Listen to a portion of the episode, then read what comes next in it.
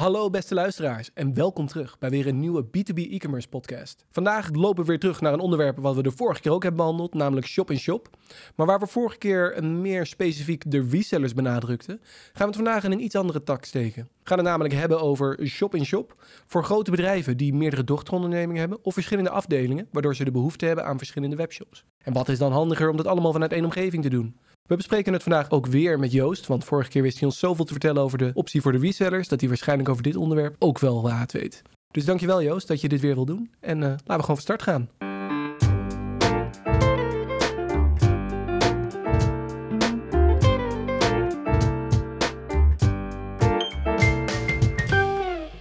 Daar zijn we weer Joost. Hallo. Leuk dat je er weer bent om uh, een net iets ander spectrum van de vorige keer uh, te belichten. Uh, ik denk dat uh, de luisteraars die nu uh, intunen en net de intro hebben gehoord, denken van... Oké, okay, je zegt dat het anders is, maar dit klinkt als precies hetzelfde. Dus misschien goed om daar even mee te starten. Um, we hebben het vorige keer echt specifiek over resellers gehad. Hè, waarom het interessant is om, voor, om te resellen, dat aan te bieden. En ditmaal gaat het eigenlijk vanuit je eigen organisatiestructuur waarom het dan interessant kan zijn. Mm -hmm. Ja, maar gelijk het spits af te bijten met gelijk de hoofdvraag. En hopelijk kunnen we daarna steeds meer de diepte in. Waarom kan dit dan interessant zijn voor een grote bedrijfsgroep die verschillende dochterondernemingen heeft? Of verschillende afdelingen.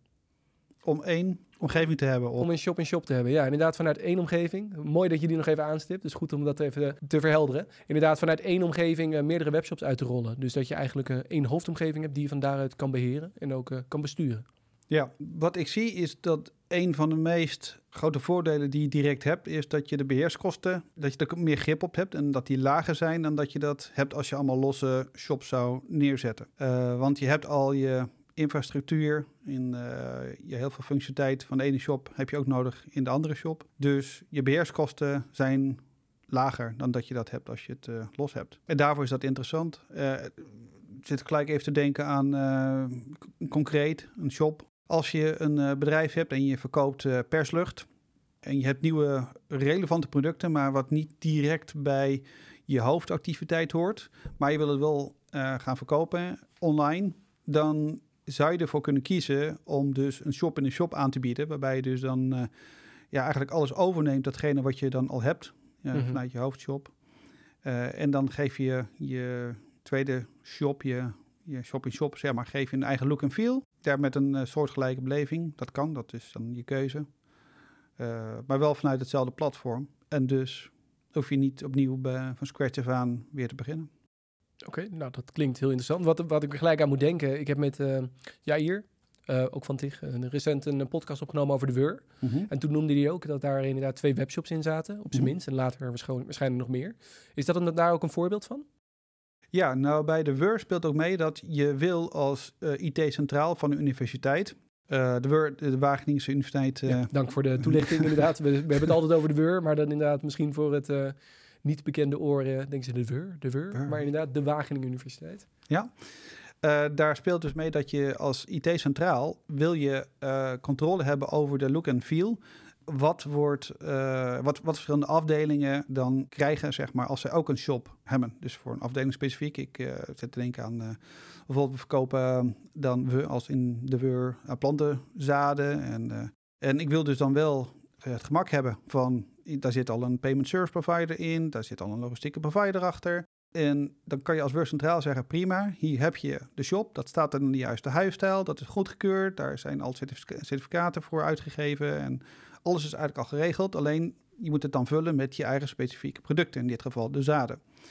En dan heb je dus een eigen catalogus. En je dan het voordeel dat je dus de producten aanbiedt die jij als afdeling uh, wil verkopen, maar je zit niet met ook de producten als bijvoorbeeld voor studenten de kopjes met daarin het logo van de Word dat op een kopje staat. Uh, want die zouden dan in een andere shop-in-shop shop aangeboden kunnen worden. Dus antwoord op jouw vraag, ja, ook voor, voor een Word is dat, in, uh, is dat interessant. Uh, maar dan niet alleen vanuit beheersaspect, maar ook vanuit ja, een synergie en een eenduidigheid en een stukje controle dat ja, de shop die dan wordt aangeboden door die afdeling, dat die ook dezelfde veiligheids- en uh, usability richtlijnen heeft. Ja, oké. Okay. Nou, dat lijkt me een helder verhaal. Het lijkt, sluit er ook mooi op aan. Dus het heeft verschillende voordelen die daarin meeloopt. Mm -hmm. Zijn dat alle voordelen die je kan bedenken? Of is dit alleen specifiek voor de WUR? Of zijn er nog meer voordelen überhaupt voor een dergelijke opzet? Als we nu even wegstappen vanuit de WUR. Hè? Mhm. Er zijn natuurlijk ook eh, verschillende bedrijfsgroepen in Nederland. Die eh, Mhm. zijn gewoon een groep ondernemingen. En die heeft dan, eh, nou, tegenwoordig zie je steeds vaker, bijvoorbeeld tien webshops in hun beheer. Mhm. Maar wat ik toch nog heel vaak zie, is dat ze dan kiezen voor tien verschillende platformen. Ja. Is dat, hebben we dan eigenlijk alle voordelen benoemd die je daarmee kan behalen, denk je? Of zijn er nog meer voordelen te benoemen voor ze? Voor een onderneming die dus verschillende soorten shops Ja. al heeft. En nu denkt van, oh, nou nu je het zo noemt, is dit misschien voor mij eh, wel ook wel interessant. Zijn er dan nog meer voordelen die, eh, ja, die het nog aantrekkelijk kunnen maken om eh, hiermee aan de slag te gaan? Of hier naar te kijken in ieder geval? Ja, je zou dat. Kijk, dit jaar is ongeveer het jaar van security. Tenminste, dat vind ik helaas zo. Eh, waarom? Dat gewoon security steeds meer een ding wordt en de cybercriminelen ook steeds slimmer worden. En als je een shop-in-shop, eh, een multistore wordt het ook wel genoemd, eh, uitrolt zeg maar, vanuit één omgeving, dan heb je dus ook maar één eh, ja, omgeving die je eigenlijk in de gaten moet houden. En, en waar je steeds naar een beetje security officer naar de richtlijnen kijkt en naar de implementatie daarvan. Want als je dat voor tien shops moet doen, ja, dan heb je een twee security officers, drie security officers zeg maar nodig om al die omgevingen te onderhouden.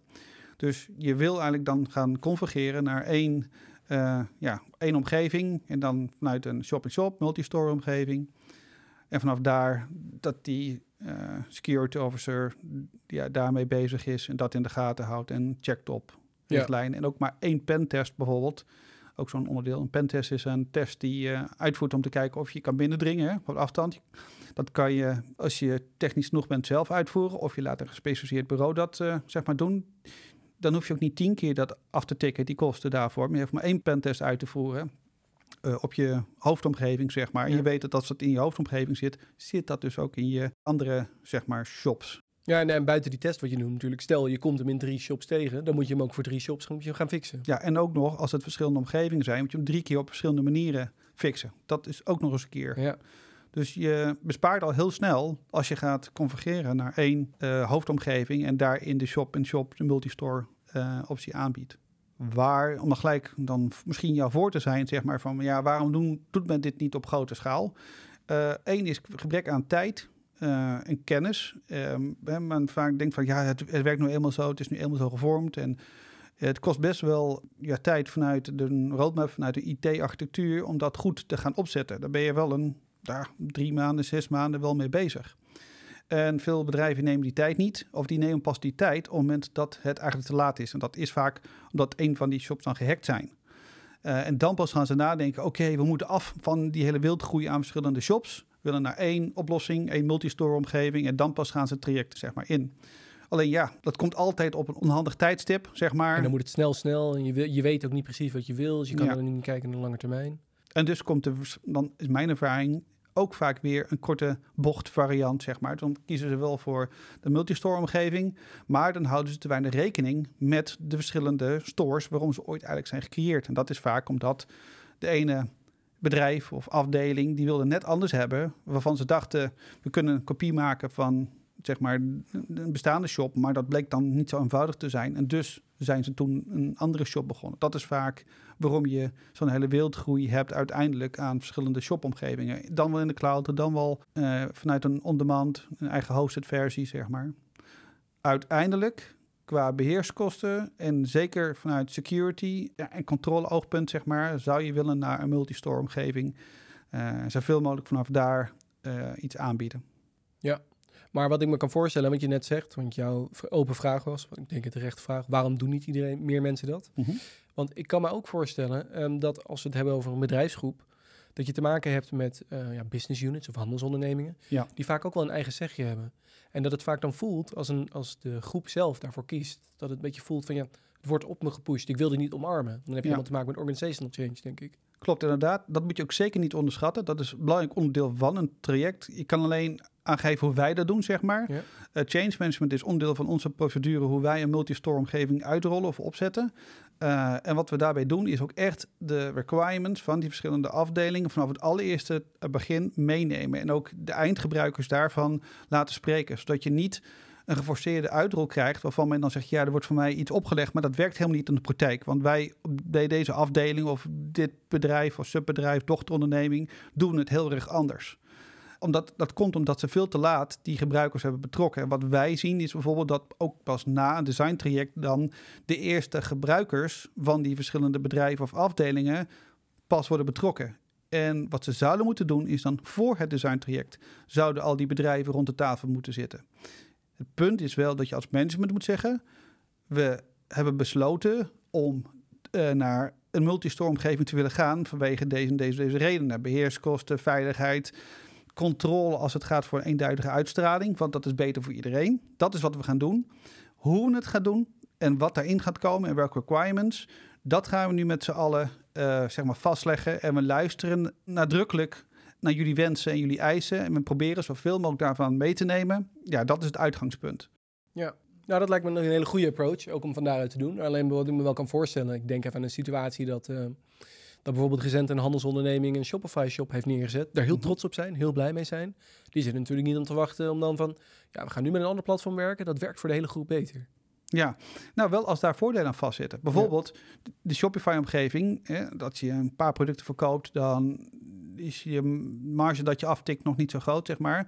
Maar het voordeel zou kunnen zijn dat ze in dus de kosten per maand dat ze kwijt zijn aan, aan de Shopify-omgeving, zeg maar, die vervallen omdat je kan liften op uh, de moedershop die al er is. En je betaalt eigenlijk alleen maar voor een klein percentage voor tailoring van jouw afdeling of of ja. dochteronderneming. Nu je dat zo zegt, is er dan ook een ander voordeel dat stel uh, vanuit de groep, of misschien is het een andere handelsonderneming, die zegt ik mhm. wil een nieuwe functionaliteit erbij. Komt die dan ook gelijk beschikbaar voor iedereen?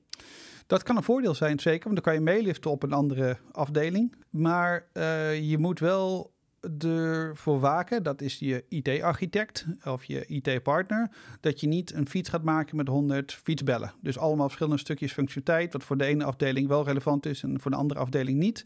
Uh, daar zit wel een uh, ja, bepaald limiet in. Dus dat moet je in de gaten houden, zeg maar. Eh, bijvoorbeeld, om gelijk concreet te zijn, als je kiest voor drie verschillende logistieke bedrijven die je wil aanbieden, zeg maar, prima. Is dan nog een vierde nodig? Dat is niet zo ja, dan je voert elke keer een klein stukje complexiteit toe aan jouw IT omgeving, zeg maar. En ook potentieel waar dan eventueel een lek in zou kunnen zitten. Dat lek hoeft niet eens in jouw webwinkel te zitten, maar bij de logistieke provider die dan indirect weer bij jou naar je binnen kan komen, zeg maar. Uh, wat je dus zou moeten doen is eigenlijk in een voorfase of al uh, in een voorfase als je dus een shop multistore omgeving uitrolt of je gaat replatformen, dat je dan dus goed kijkt naar waarom hebben jullie behoefte aan een vierde logistieke provider. Is dat vanwege kostenoogpunt? Is dat vanwege dat ze sneller dingen kunnen leveren? Is dat vanwege bijvoorbeeld dat ze gekoelde producten kunnen uh, vervoeren als geen ander? Of uh, specifieke afspraken voor iets dat kapot kan gaan? En uh, daar zou je vooral naar, naar moeten kijken, zeg maar. En dan besluiten om dat wel of niet op te nemen. Eigenlijk terug naar jouw vraag, zeg maar, vanuit de change management, van waarom uh, zou je dat zeg maar moeten willen? Dat is nog weer van als dat het voelt als zijn, het wordt misschien opgelegd. Uh, en hoe ga je dan daarmee om? Als jij de voordelen telkens uitlegt en laat zien, en ook dat soms zit dat in kosten, in bijvoorbeeld ook een doorlooptijd, nog een ander voorbeeld zeg maar. Als je een Shopify shop uitrolt en je tailert dat, zeg maar, kan je zeggen, ja, die tijd die jij, jullie afdeling of jullie IT-bedrijf die je daarvoor inhuurt, uh, die die shop laat aanpassen, jullie Shopify, omdat het centraal gaat, is er meer capaciteit beschikbaar, zodat je sneller die, die zaken kan uitrollen. Ja. Alleen je moet wel als management dan zorgen dat er ook goede protocollen zijn. En dat daadwerkelijk ook die belofte die je dan, dan maakt, ook dan dat uiteraard nakomt. En dan is men ook wel ja, geneigd om te zeggen: oké, we kunnen dus sneller uh, aanpassingen maken in het, uh, in het design of in de beleving. Ja, dan, dan hebben we dus ook een voordeel. Ja, dan willen we ook graag gebruik maken van die centrale oplossing. Ja, nee, daarom. Want dat is inderdaad waar ik aan dacht. Want je zegt inderdaad, op kosten kan je besparen. Maar dan is het inderdaad ook de vraag, op termijn levert dat ook meer op? Of is het meer de kostenbaten? Want je kan de kosten besparen door het vanuit hieruit te doen. Hè? Je hebt mm één omgeving die je kan managen. Security, veiligheid, uh, onderhoud. Je mm noemt verschillende voordelen. Maar hoe, hoe, verpakt zich dat normaal gesproken in een winst? Eh, kan je er een hogere winst behalen wanneer je vanuit één uh, platform werkt? Als het gaat voor conversie, ja. hebben we het over. Sorry, beetje, ja. ja. conversie inderdaad. Ja, dat kan. Wanneer kan dat? Heel makkelijk. Als je bijvoorbeeld de zoekmachine-optimalisatie doet, dat je een platform hebt en je maakt een aanpassing in je software of, of in de procedure om je beter te kunnen worden gevonden in de zoekmachines, dan kan je daar heel makkelijk op meeliften als shop-in-shop. Uh, en dan hoef je er niet weer een apart bureau voor te vragen die dat dan doet voor specifiek jouw omgeving. Ja. Wat belangrijk is, is dat die keuze voor die multistore-omgeving, dat je dan een pakket hebt wat één flexibel is, wat, uh, waarbij je dus makkelijk die SEO-aanpassingen zeg maar, in kan maken. En dat je niet kiest voor een te klein pakket, waarbij je heel snel shops kan uitrollen, maar bijvoorbeeld aanpassingen in SEO, zoekmachine-optimalisatie, uh, ja, dat je dat moeilijk kan doorvoeren of onhandig kan doorvoeren voor al die verschillende omgevingen. Daar moet je goed van tevoren bij stilstaan en een keuze maken. Maar ja, er zijn genoeg pakketten op de markt. Uh, dus je, je hebt keuze, zeg maar, maar je moet daar wel goed bij stilstaan. Dat is die drie tot zes maanden wat je nodig hebt Zeker. om te replatformen. Ja, nee, en een ander voordeel wat ik me te denken heb, maar kan me voorstellen, mm -hmm. is dat je ook als je vanuit één platform werkt, tenminste één ge overgestuurd platform, dan kan je ook wel makkelijker vergelijken wat wel en niet werkt natuurlijk. Hè? Want als je dan verschillende handelsondernemingen hebt, stel je werkt met een Shopify en een, laten we zeggen, een WooCommerce of SubCommerce, mm -hmm. dan is het moeilijker te vergelijken om te pinpointen wat zorgt nou voor dat stukje conversie. Want dan kan het aan het platform liggen, de functionaliteiten die er zijn. Mm -hmm. Maar dan kan het ook liggen nu, als je van één platform werkt. Oké, okay, we maken grofweg gebruik van dezelfde functionaliteiten, maar jullie hebben de look en feel net wat anders. En dat leidt dan tot een hoge conversie. Ja, zeker. Ja, prima voorbeeld inderdaad. Ja, een voordeel dat je hebt als je vanuit één omgeving daarvoor, daarmee werkt. Ja. ja, dus het is gewoon wel belangrijk dat je je data goed matcht en dat je kijkt naar wat zijn nou mogelijkheden om te kijken wat haal ik eruit, wat zijn nog de kansen die er liggen, wat kan ik hier verder nog mee doen. Ja, eens, ja. Oké. Okay. Ik wil bijna zeggen, waar gaat het, waar gaat het soms mis? Hè? Dat is Ja. de andere kant, zeg maar. Dat is als er te makkelijk wordt gedacht vanuit management over eh, de behoeften vanuit de verschillende afdelingen, zeg maar. Eh, dat is het eerste. Dus niet in het begintraject of tijdens de rit niet goed luisteren naar de verschillende behoeftes. Dat niet goed in kaart brengen. Uh, dat is iets wat vaak misgaat. En tweede is dat de doorlooptijd trager wordt dan hetgene wat men al gewend is. Want men heeft dan vaak gekozen voor een kleine, lokale, niet al te veilige oplossing. Vaak kwam, kom ik in de praktijk tegen. En dan komt er een meer gedegen oplossing, alleen dan zijn de doorlooptijden veel trager. En het punt is, je moet kijken naar hoe lang duurt het nu voor een bestaande uh, afdeling of dochteronderneming om een aanpassing door te voeren bijvoorbeeld, of om uh, een stukje functionaliteit uit te rollen. Dan zou je minimaal eenzelfde soort van doorlooptijd moeten kunnen aanbieden op het moment dat jij komt met je multistore omgeving. Heb je dat niet, dan gaat men daarop achteruit. Ja, en dan is men weer geneigd om te zeggen, ja, ik wil liever niet er gebruik van maken. En dan gaat men eromheen proberen te werken. Dat is wat dan in de praktijk vaak gebeurt, uh, als dat niet afgedwongen wordt. Ja, mooie toevoeging. Dus er zijn heel veel kansen, maar je moet wel goed met verschillende dingen rekening houden om het echt tot succes te laten maken. Ja, zeker. Ja. Oké. Okay. Dicht bij de mensen en de afdelingen en de dochterondernemingen staan. Zeg ja, maar. en, en, en, niet altijd de, denken dat jij de keuze kan maken of dat je weet hoe andere mensen denken zonder te vragen hoe ze denken. Klopt, ja. En niet acteren vanuit een panieksituatie. Dus als een shop gehackt is of dat de softwareleverancier zegt we stoppen ermee, zeg maar zoiets. En dan moet er opeens worden geplatformd. Ja. ja. of iets anders. Want dat zijn vaak dan, uh, dan krijg je weer een op, ja, half gebakken oplossing. Ja, en dan uh, loop je op termijn weer tegen problemen aan. Dat is het. maar. maar wanneer is dan wel het moment, hè, als je dan nog even een mee zou kunnen geven aan de luisteraars? Ja, nou sowieso op het moment dat je van ERP-pakket wisselt... of je maakt de keuze om voor de aankomende tijd... Uh, de huidige ERP-leverancier weer gebruik van te maken, zeg maar. Je maakt een afspraak over langdurige licentie. Dat is dan ook het moment om dan te kijken naar... oké, hoe ziet mijn etalage eruit, mijn webwinkel aan de voorkant, zeg maar. En uh, zijn dat tien verschillende oplossingen... die nu allemaal tegen mijn ERP, mijn backbone aan communiceren... Zo ja, dan is dit nu ook het moment, omdat we toch weten dat we de aankomende tijd bij, met dit ERP-pakket uh, gaan werken, zeg maar, om te kiezen voor een multistore omgeving en vanaf daar dat uit te rollen. Dat is uh, een, een, een, goed moment. ERP-pakket, switch of, of een, een lange termijn vastleggen. Ja, ja, die ja. je bijvoorbeeld voor een paar jaar doet, want dan weet je zeker dat je er goed zit. En maakt het dan nog uit hoeveel webshops je daar uiteindelijk voor nodig zou hebben? De shop-in-shops, is daar een minimum voor waarvan je zeggen, nou... Als er maar twee zijn, weet ik niet of dit geschikte methode is. Hmm. Goeie, interessante vraag. Ik weet niet of er een minimum aan vast zit. Of, of misschien omgedraaid nog, nog dieper. Uh, als je op termijn van plan bent om meer webshops aansluiten, om te starten. Ja. Uh, is het dan, dan al verstandig om dat mee te nemen in je overweging voor een platform? Ja, mijn mening is wel, je moet niet al te ver in de toekomst kijken. Uh, mm -hmm. Het moet wel dichtbij zijn, want ja omdat gewoon dingen heel snel gaan, zeg maar. En als je nu al rekening gaat houden met iets wat mogelijk allemaal gaat komen, dan kan je beter zeggen tegen die tijd, we, we hebben besloten, visie is, we rollen multistore uit. Dus welke functionaliteit dan beschikbaar is, is hetgene wat we nu inbouwen.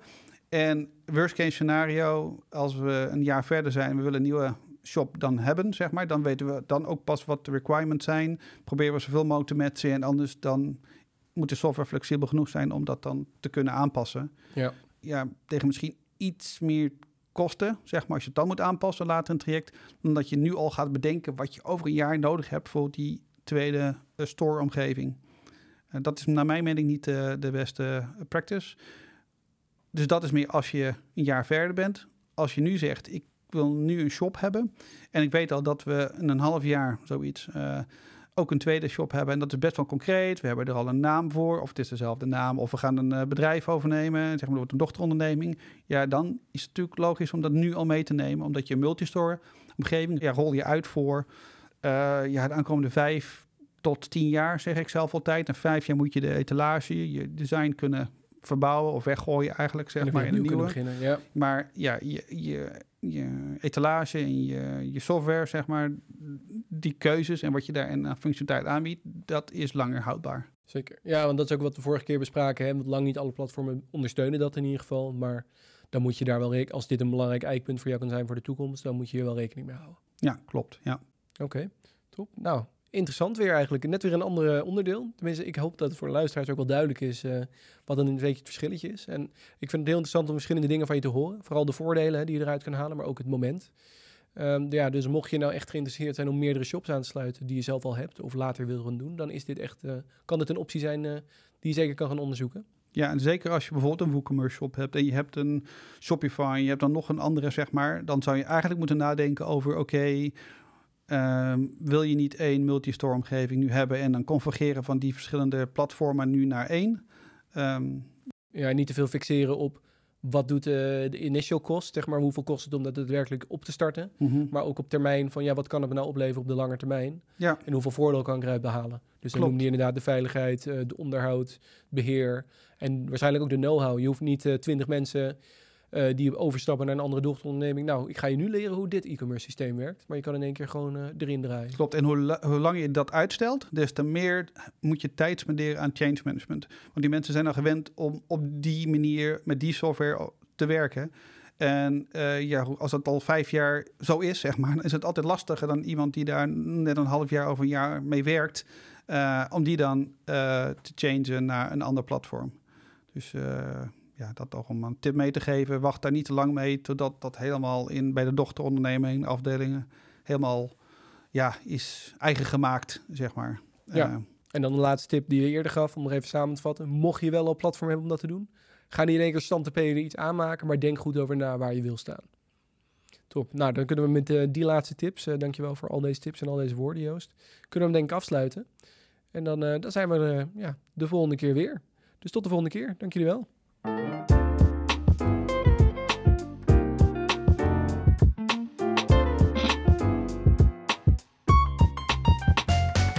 Zijn we al begonnen trouwens? Of, uh... uh, nee, nog niet. Okay. Ik ga nog even... Nee.